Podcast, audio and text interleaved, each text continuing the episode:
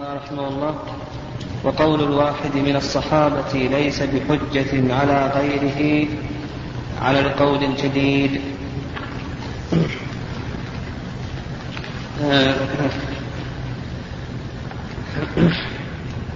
قول الصحابي هذا من الأدلة المختلف فيها المختلف في حجيتها. قول الصحابي هل هو حجة أو ليس حجة؟ هذا من الأدلة المختلف فيها والمراد بقول الصحابي ما نقل إلينا عن أحد الصحابة.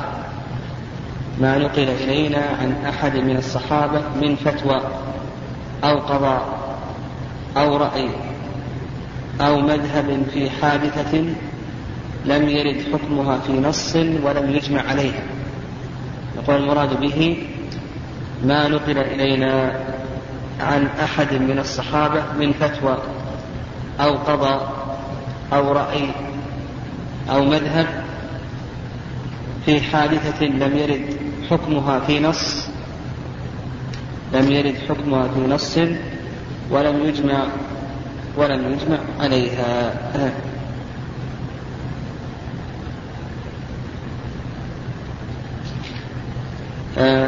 هذا المراد به. و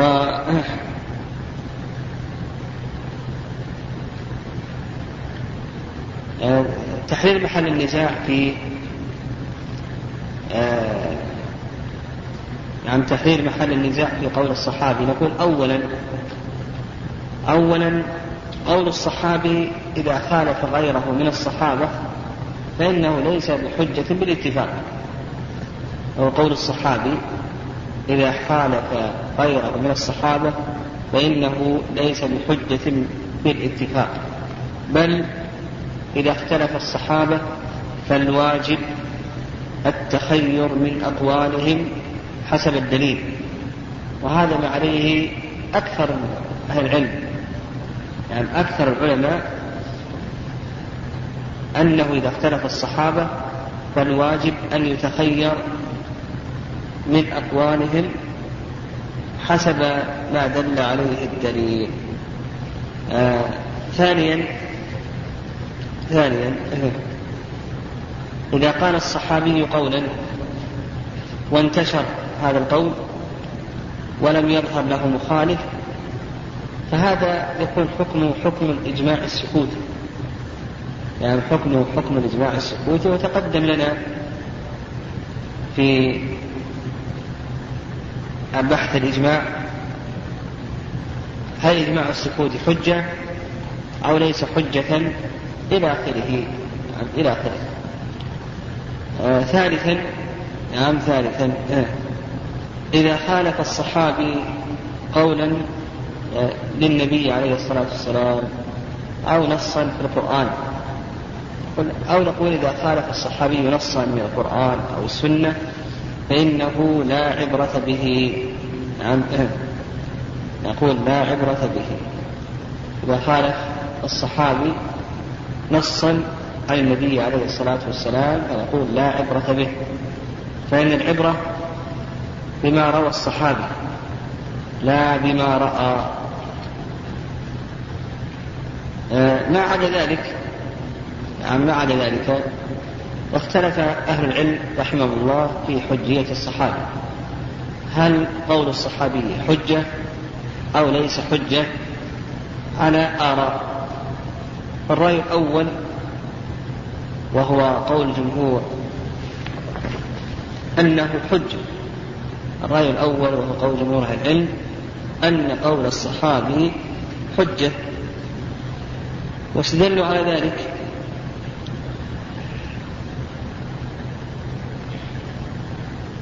نعم بأدلة من هذه الأدلة قول الله عز وجل والسابقون الأولون من المهاجرين والأنصار والذين اتبعوهم بإحسان رضي الله عنهم ورضوا عنه. قول الله عز وجل والسابقون الأولون من المهاجرين والأنصار والذين اتبعهم بإحسان رضي الله عنهم ورضوا عنه. فقالوا بأن الله عز وجل أثنى على الصحابة. يعني أثنى عليهم. ومدحهم ومدح التابعين والذين اتبعهم بإحسان وإنما استحق التابعون المدح لأنهم تابعوا الصحابة آه، آه. ففي هذا دليل على أنه يتابع الصحابي يعني كونه يمدح التابعي لمتابعته للصحابي. هذا دليل على أنه يطلب منا متابعة الصحابي. وإلا لم يكن للمدح موجب. و... و...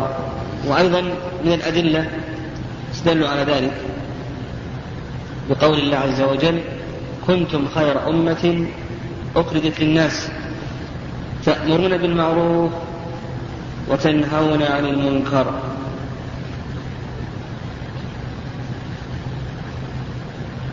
و وهذا يدخل في ذلك أقوال الصحابة. يعني يدخل في ذلك أقوال الصحابة. فإنهم يأمرون بالمعروف. يأمرون بالمعروف فيؤخذ بهذا المعروف. يؤخذ بهذا المعروف الذي يأمرون به.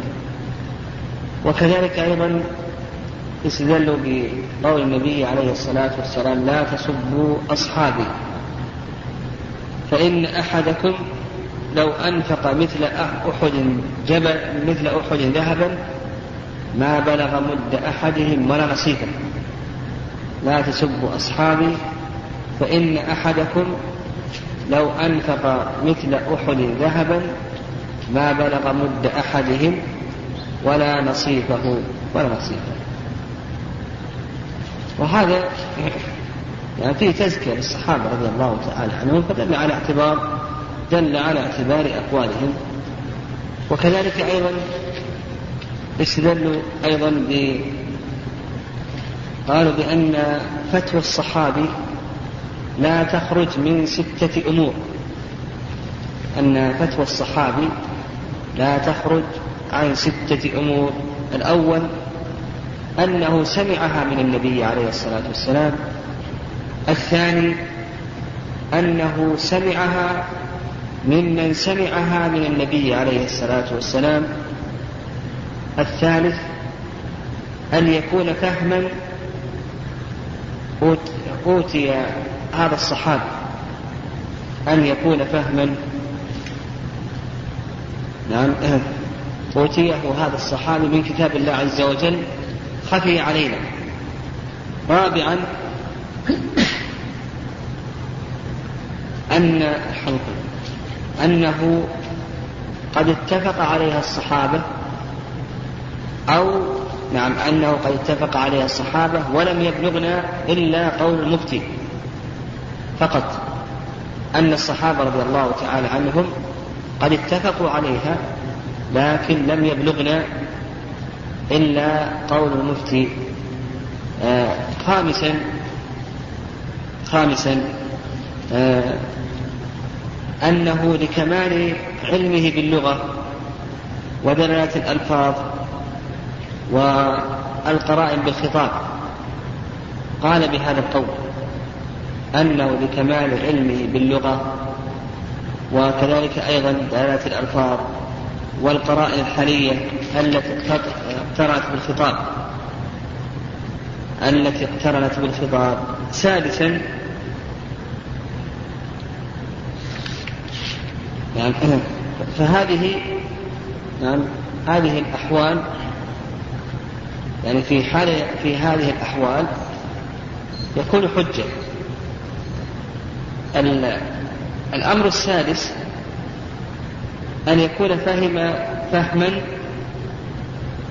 لم يرده النبي عليه الصلاة والسلام.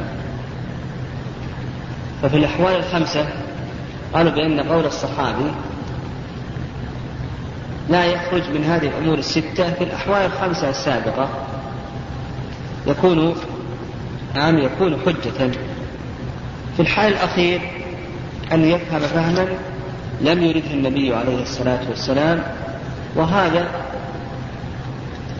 نعم هذا يكون بعيدا فهذا في هذه الحالة لا يكون لا يكون حجة. هذه بالنسبة لأدلة الجمهور نعم بالنسبة لأدلة الجمهور. الرأي الثاني الرأي الثاني أن الحجة في أقوال الخلفاء الراشدين أربعة. الحجة في أقوال الخلفاء الراشدين الأربعة واستدلوا على ذلك بحديث العرباض بن ساري رضي الله تعالى عنه وفيه قول النبي عليه الصلاة والسلام عليكم بسنتي وسنة الخلفاء الراشدين المهديين من بعد. عليكم بسنتي وسنة الخلفاء الراشدين المهديين من بعد. قول الرابع أن الحجة في قول أبي بكر وعمر رضي الله تعالى عنهما فقط. واستدلوا على ذلك في قول النبي عليه الصلاة والسلام إن يطيعوا أبا بكر وعمر يرشدوا. وأيضا قول النبي عليه الصلاة والسلام اقتدوا بالذين من بعدي. اقتدوا بالذين من بعد أبي بكر وعمر. القول الرابع القول الرابع أن قول الصحابي ليس بحجة. أن قول الصحابي ليس بحجة. هذا كما ذكر المؤلف أنه قول الشافعي في الجديد. أنه قول الشافعي في الجديد. وأهل العلم رحمه الله مختلفون في ذلك. بعض العلماء بعض الشافعية ينسبه للشافعي وبعض العلماء لا ينسبه للشافعي من هذا القول. وابن القيم رحمه الله ذكر عدم نسبته نعم عدم نسبته للشافعي. واختار هذا القول وهو رواية عن أحمد رحمه الله وأيضا اختار هذا القول الغزالي والآمدي والحاجب. أن قول الصحابي ليس بحجة. واستدلوا على ذلك بدليلين. الدليل الأول أن الصحابة رضي الله تعالى عنهم ليسوا معصومين. فيمكن منهم وقوع الغلط والخطأ.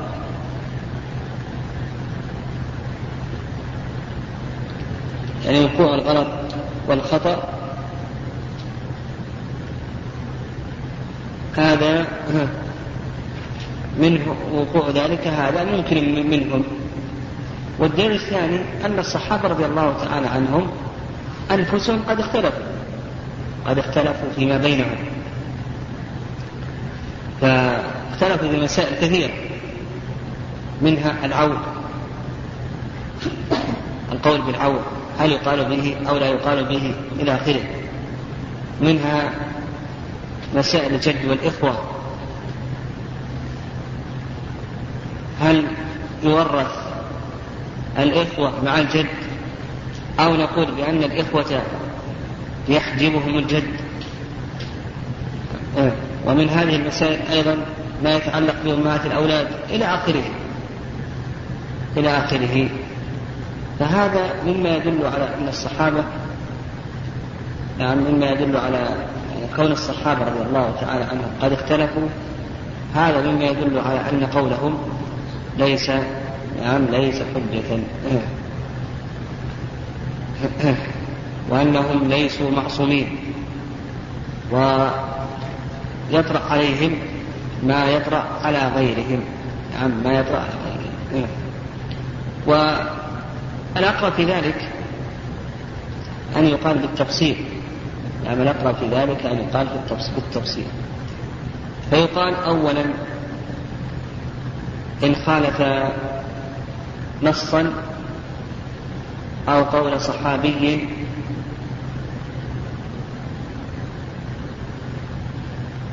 نعم إن خالف نصا أو قول صحابي آخر فهذا ليس حجة. نعم ليس حجة. وثانيا أن يخالف عموم القرآن أو عموم السنة أو مطلق القرآن أو مطلق السنة. فهذا أيضا نقول بأنه ليس حجة. نقول بأنه ليس حجة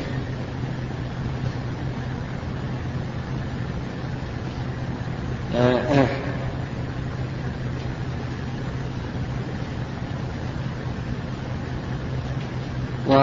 وثالثا نعم آه. نعم آه، تابع الثاني قبل. قلنا إذا خالف عموم القرآن أو عموم السنة أو إطلاق القرآن أو إطلاق السنة أو ما يدل عليه ظاهر القرآن أو ما يدل عليه ظاهر السنة. يعني ما يدل عليه ظاهر القرآن أو ما يدل عليه ظاهر السنة. فهذا نقول بأنه ليس حجة. يعني ليس حجة. آه آه. لكن لكن نحمل قول الصحابي رضي الله تعالى عنهم. نحمل قول الصحابي رضي الله تعالى عنه على سبيل الاحتياط. على سبيل الاحتياط. يعني يعني ما يقوى على مخالفة ظواهر القرآن وظواهر السنة بالإيجاب أو التحريم لكن يحمل على سبيل الندب والاحتياط يعني نحمله على سبيل الندب والاحتياط آه. آه. ثالثا ما عدا ذلك نعم ما عدا ذلك فإنه يكون حجة يقول ما عدا ذلك فإنه يكون حجة يعني فأصبح نعم أن قول الصحابي لا يخلو من هذه الأمور الثلاثة.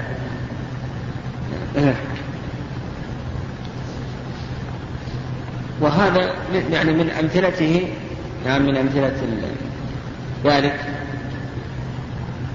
مثلا في قول الله عز وجل آه، في قضاء رمضان في قول الله عز وجل في قضاء رمضان آه، نعم فعدة من أيام أخر. الله عز وجل أوجب عدة من أيام أخرى ظاهر ذلك أن من لم يصم حتى جاء رمضان الثاني أنه لا يلزمه إلا عدة من أيام أخرى لكن ورد عن أبي هريرة إسناد ثابت عن ابن عباس أنه يطعم عن كل يوم مسكين. أنه يطعم عن كل يوم مسكين. ويترتب على هذا أن العلماء رحمه الله اختلفوا. هل يجب الإطعام ولا يجب الإطعام؟ هل يجب أن يطعم أو لا يجب أن يطعم؟ فنقول في ذلك الأظهر أنه يحمل على الندب أننا نحمله ذلك على الندب لأن ظاهر القرآن فعدة من أيام أخرى ظاهر أنه لا يجب إلا يعني لا يجب إلا الصيام فقط عدة. يعني لا يجب إلا عدة من أيام أخرى وعلى هذا فقس يعني في الأشياء التي آه تكون مخالفة لظواهر القرآن. فنقول هذه نحملها على الندب والاحتياط من أقوال الصحابة رضي الله تعالى عنهم. هذا إذا لم يظهر إذا لم يظهر له مخالف. أو لم يخالف صريح النص فإن خالف صريح النص أو قيد العام قص العام أو قيد المطلق هذا نقول ليس بحجة. نعم ليس بحجة.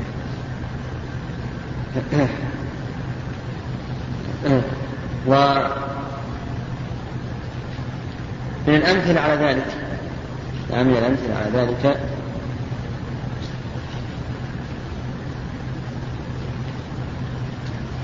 إيجاب العدة اللي ورد عن عمر رضي الله تعالى عنه.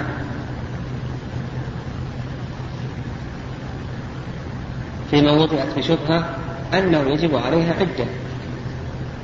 مع أن ظاهر القرآن أن إيجاب العدة لأي شيء؟ للمطلقة. يعني جاب العدة للمطلقة فقط. هي التي تعتد بهذه الطرق أما غيرها يعني أما غير المطلقة فهذه استبرأ فقط. يعني تستبرأ فقط. وعلى هذا نحمل ما ورد عن عمر رضي الله تعالى عنه. أن مخالف لظاهر القرآن يحمل على الاحتياط. فنقول بأنها تعتد احتياطا على سبيل الاحتياط فقط. وأما الواجب فإنه استبراء. ولذلك أيضا ورد عن الصحابة في التيمم أنه يكون بضربتين مع أن السنة صريحة. السنة صريحة بأنه يتيمم بضربة واحدة. ذلك ورد عن الصحابة رضي الله تعالى عنهم أنه يتيمم بضربتين. فنقول هذا على سبيل الاحتياط كما قال الحنابلة رحمه الله. يعني يندب يعني يجوز له ذلك يجوز له أن يتيمم بضربتين.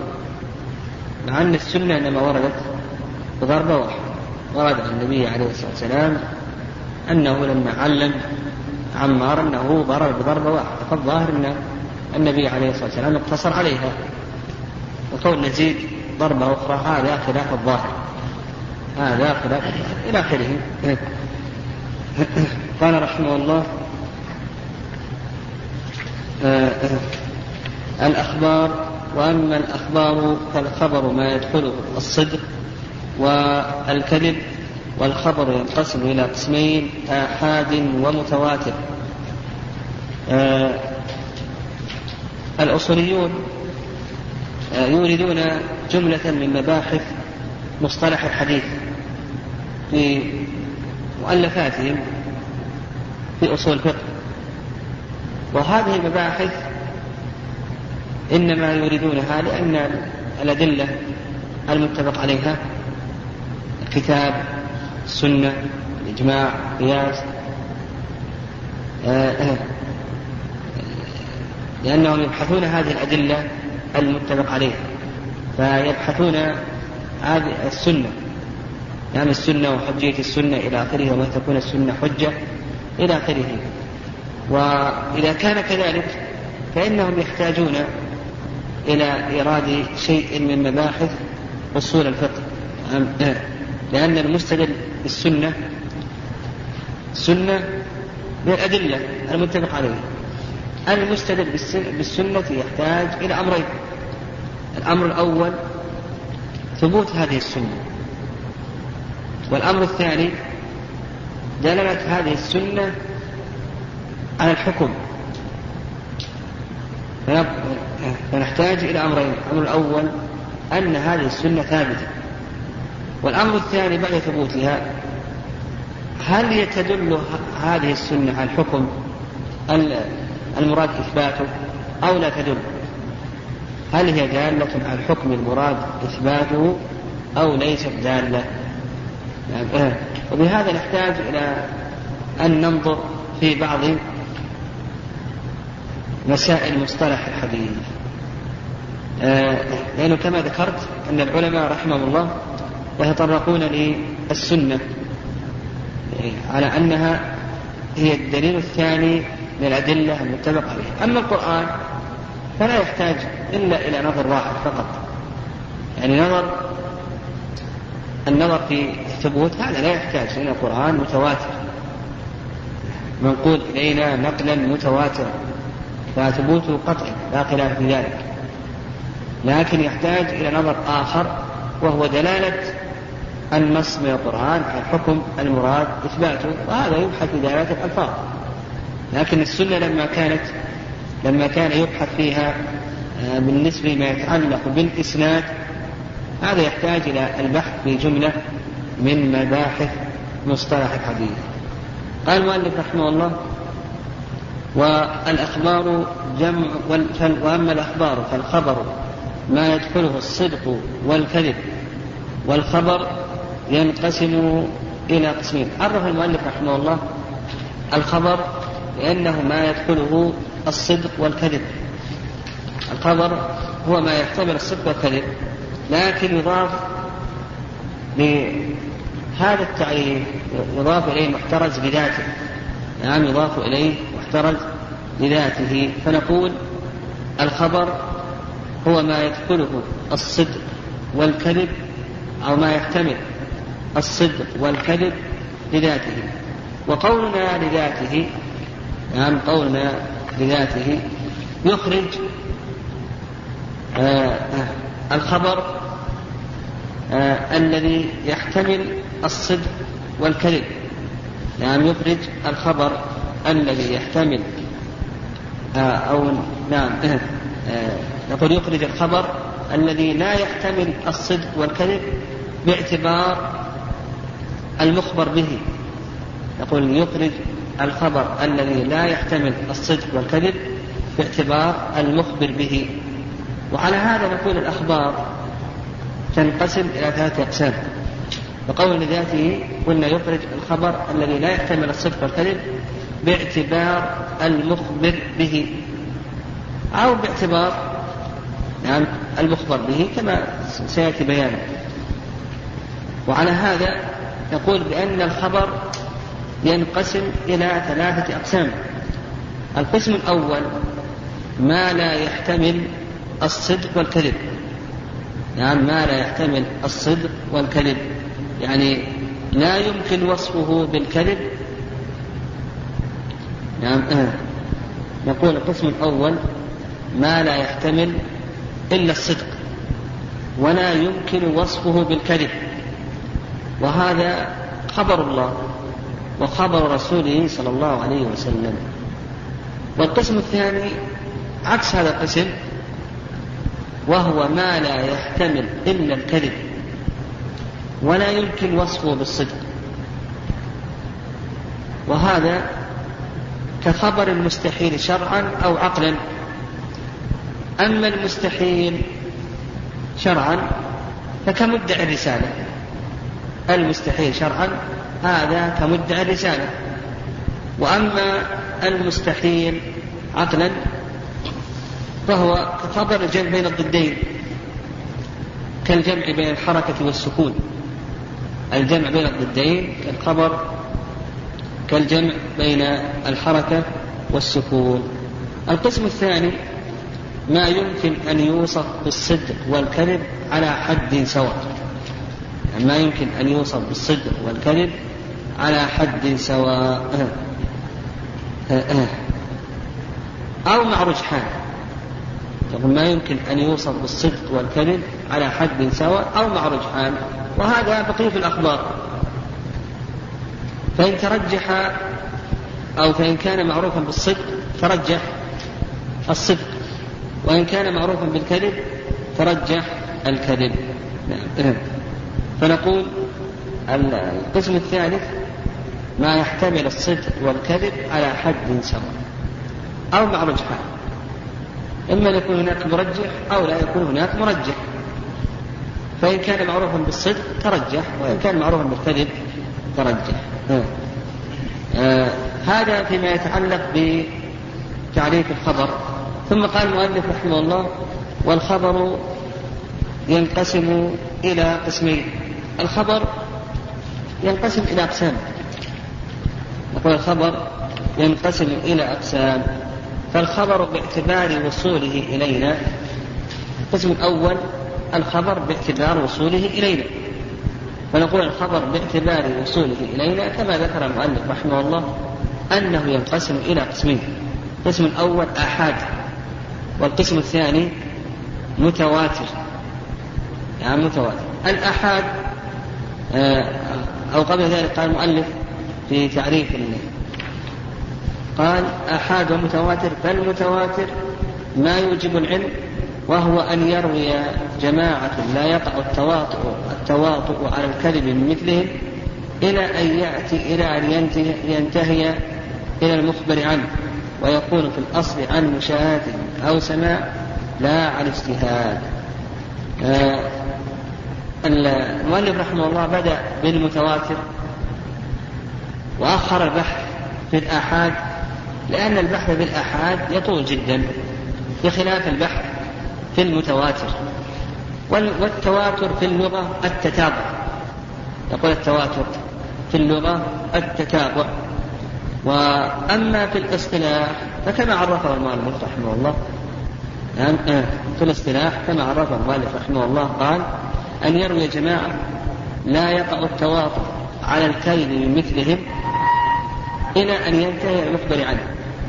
يعني أن يروي هذا الخبر جماعة عن جماعة يستحيل تواطؤهم على الكذب إلى أن ينتهي إلى المخبر عنه.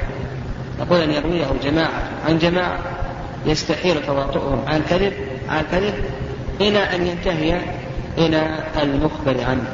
هذا هو هو ال ال المتواتر. يعني المتواتر. وذكر المؤلف رحمه الله أن هذا المتواتر لا بد له من نعم على أقوال كثيرة. نعم على أقوال كثيرة.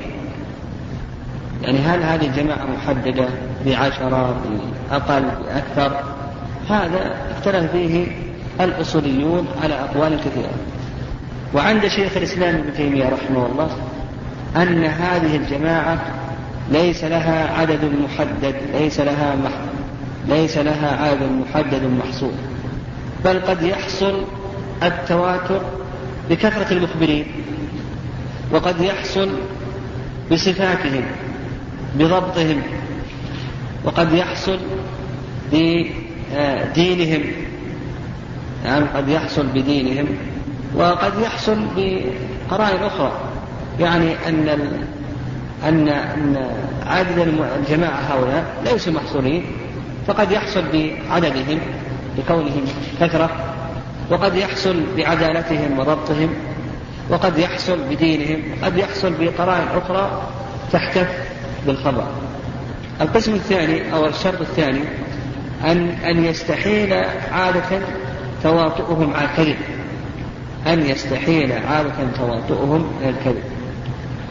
الشرط الثالث أن يكون ذلك في جميع طبقات السند. ففي كل طبقات السند يروي هذا الخبر جماعة عن جماعة يستحيل تواطؤهم على الكذب. يستحيل تواطؤهم على الكذب. الشرط الرابع كما ذكر المؤلف رحمه الله أن يكون مستند خبرهم عن مشاهدة أو سماع. لا عن اجتهاد أن يكون مستند خبرهم عن مشاهدة أو سماع لا يكون عن اجتهاد لأن الاجتهاد يمكن فيه الغلط. يعني لكن من أخبر عن شيء شاهده نعم أو شيء سمعه أخبر عن شيء شاهده أو شيء سمعه فإنه ينتفي معه نعم ينتفي معه وجود الغلط. ثم بعد ذلك أفاد المؤلف رحمه الله أن قال ويوجب العلم. يوجب العلم. أفاد المؤلف رحمه الله أن المتواتر يوجب العلم الضروري. يعني يوجب العلم الضروري. نعم. يعني وهذا ظاهر. هذا ظاهر. كالتواتر الآن بوجود مكة لمن لم يرى مكة. فهذا يوجب العلم نعم يوجب العلم الضروري. فيضطر الإنسان أن يصدق بهذا الخبر.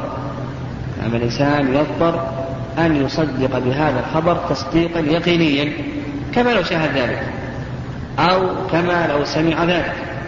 وذلك أيضا التواتر في وجود الخلافة العباسية.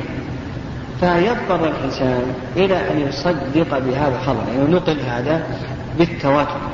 هذا نقل بالتواتر. فهو فالمتواتر هذا يفيد العلم الضروري يعني الذي يضطر معه الإنسان إلى أن يصدقه تصديقا يقينيا.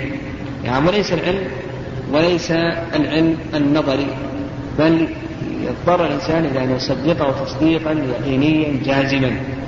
نعم جازما. آه، ولو أراد أن يتخلص من هذا العلم الضروري لم يتمكن. لو أراد أن يتخلص منه هذا نقول بأنه لم يتمكن.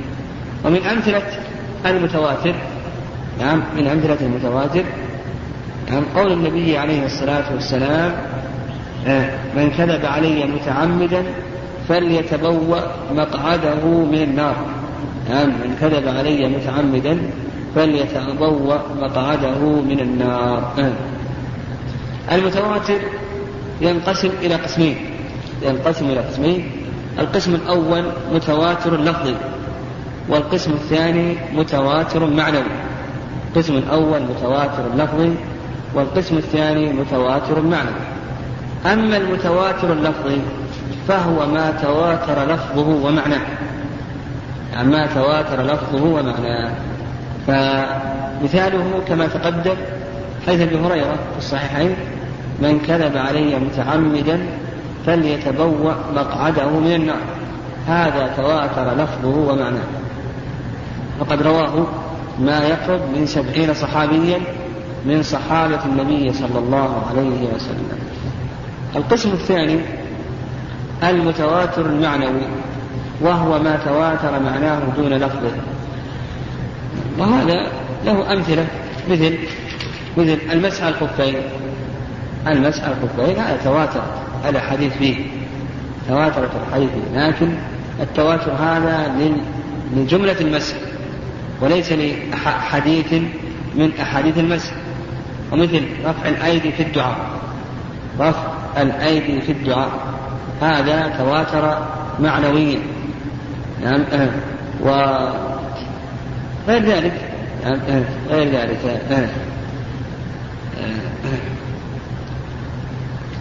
ثم قال المؤلف رحمه الله والآحاد هو الذي يوجب العلم ولا يوجب العمل ولا يوجب العلم وينقسم إلى مرسل ومسند فالمسند ما اتصل إسناده.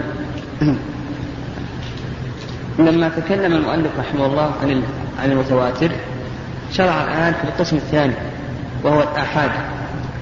وتقدم أن الخبر باعتبار وصوله إلينا ينقسم إلى قسمين إلى متواتر وإلى آحاد. وذكرنا أيضا فيما سبق أن المؤلف رحمه الله آه، إنما أخر البحث في الآحاد لكون مسائله أكثر. نعم لكون مسائله أكثر. الآحاد آه، جمع جمع أحد. الآحاد جمع أحد.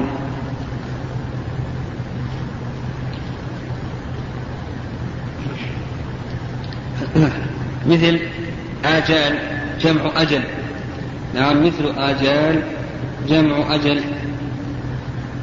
و نعم و وأما في نعم آه.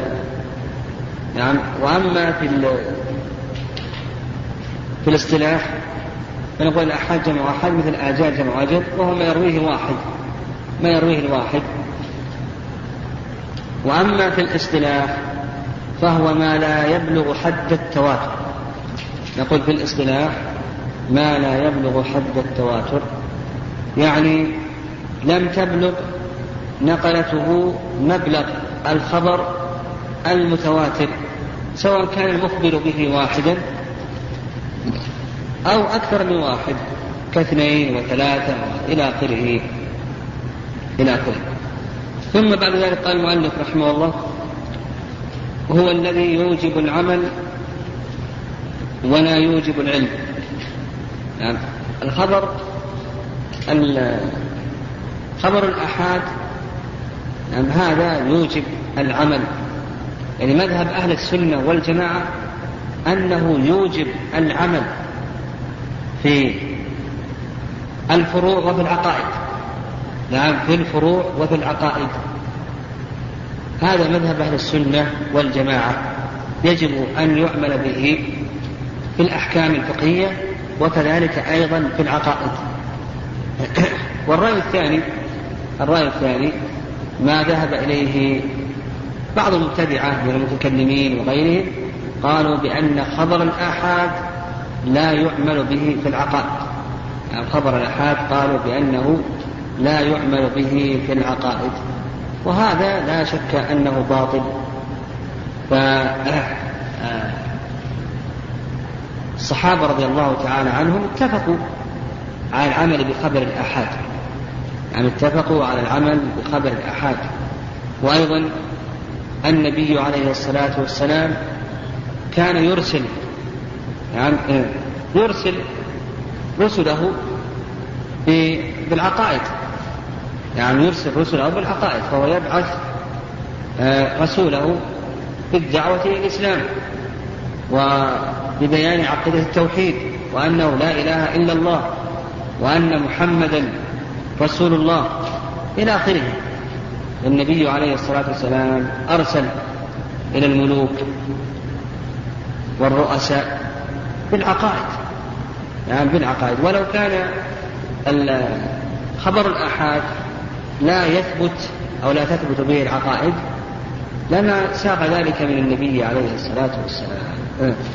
ونقول ليه على حجية خبر الواحد أو خبر الآحاد سواء كان ذلك في الأحكام أو في العقائد بعث النبي عليه الصلاة والسلام إلى الملوك بالدعوة إلى الله عز وجل والدعوة إلى التوحيد وأنه لا إله إلا الله وأن محمد رسول الله إلى آخره. وأيضا آه، أيضا آه، من الأدلة على ذلك آه، بعث النبي عليه الصلاة والسلام النبي عليه الصلاة والسلام بعث السعاة. بعث النبي عليه الصلاة والسلام السعاة في جلب الصدقات وغير ذلك. فهذا دليل على قبول خبر الواحد وأيضا من الأدلة على ذلك اتفاق الصحابة رضي الله تعالى عنهم على العمل بخبر واحد. وهذا له أمثلة كثيرة. نعم هذا له أمثلة كثيرة من آه، أمثلتها آه، حديث ابن عمر. في حديث ابن عمر لما كان الناس يصلون آه، بقبى يصلون الصبح بقبى إذ جاءهم آت فقال بأن القبلة قد حولت فتحولوا في صلاتهم. تحول رضي الله تعالى عنهم في صلاتهم. وكذلك أيضا في حيث أنس لما جاء الآتي إلى الصحابة وهم يشربون الخمر لأن الخمر قد قد حرمت. لأن الخمر قد حرمت. آه تركوا ما في أيديهم. نعم تركوا ما في أيديهم الخمر. فالصحيح أن خبر الآحاد وهو من مذهب أهل السنة والجماعة أنه يعمل به في العقائد وكذلك أيضا في الأحكام. ثم بعد ذلك قال المؤلف رحمه الله ولا يوجب العلم. تقدم لنا أن المتواتر يوجب ماذا؟ العلم الضروري وليس العلم النظري بل الصحيح أنه يوجب العلم الضروري يعني العلم اليقيني الجازم الذي لا يتمكن الإنسان من الانفكاك عنه.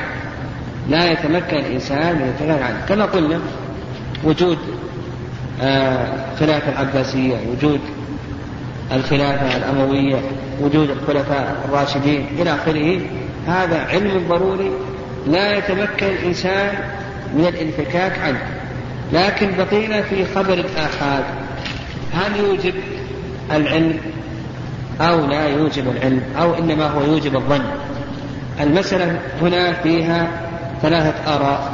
يعني المسألة فيها ثلاثة آراء. المؤلف رحمه الله قال ولا يوجب العلم. وهذا قول جمهور العلم. قول جمهور العلماء رحمه الله أن خبر الآحاد أنه لا يوجب العلم بل يفيد الظن فقط وهو رجحان صحة الخبر لمن نسب عنه نقول بأنه يفيد الظن وهو رجحان صحة الخبر رجحان صحة الخبر لمن نسب عنه أو لمن أخبر عنه. لمن أخبر عنه. آه، آه. وهذا ما عليه جمهور أهل العلم رحمهم الله. واستدلوا على ذلك بأدلة. من أدلتهم؟ قالوا أن خبر الواحد يعتريه الغلط ويعتريه الكذب والغفلة والنسيان. فإذا كان كذلك فإنه لا يوجب العلم الضروري الدليل الأول قالوا بأن خبر واحد يعتريه إما الكذب أو الغفلة أو النسيان أو غير ذلك. وإذا كان كذلك فإنه لا يوجب العلم الضروري. وكذلك أيضا الدليل الثاني قالوا لو أفاد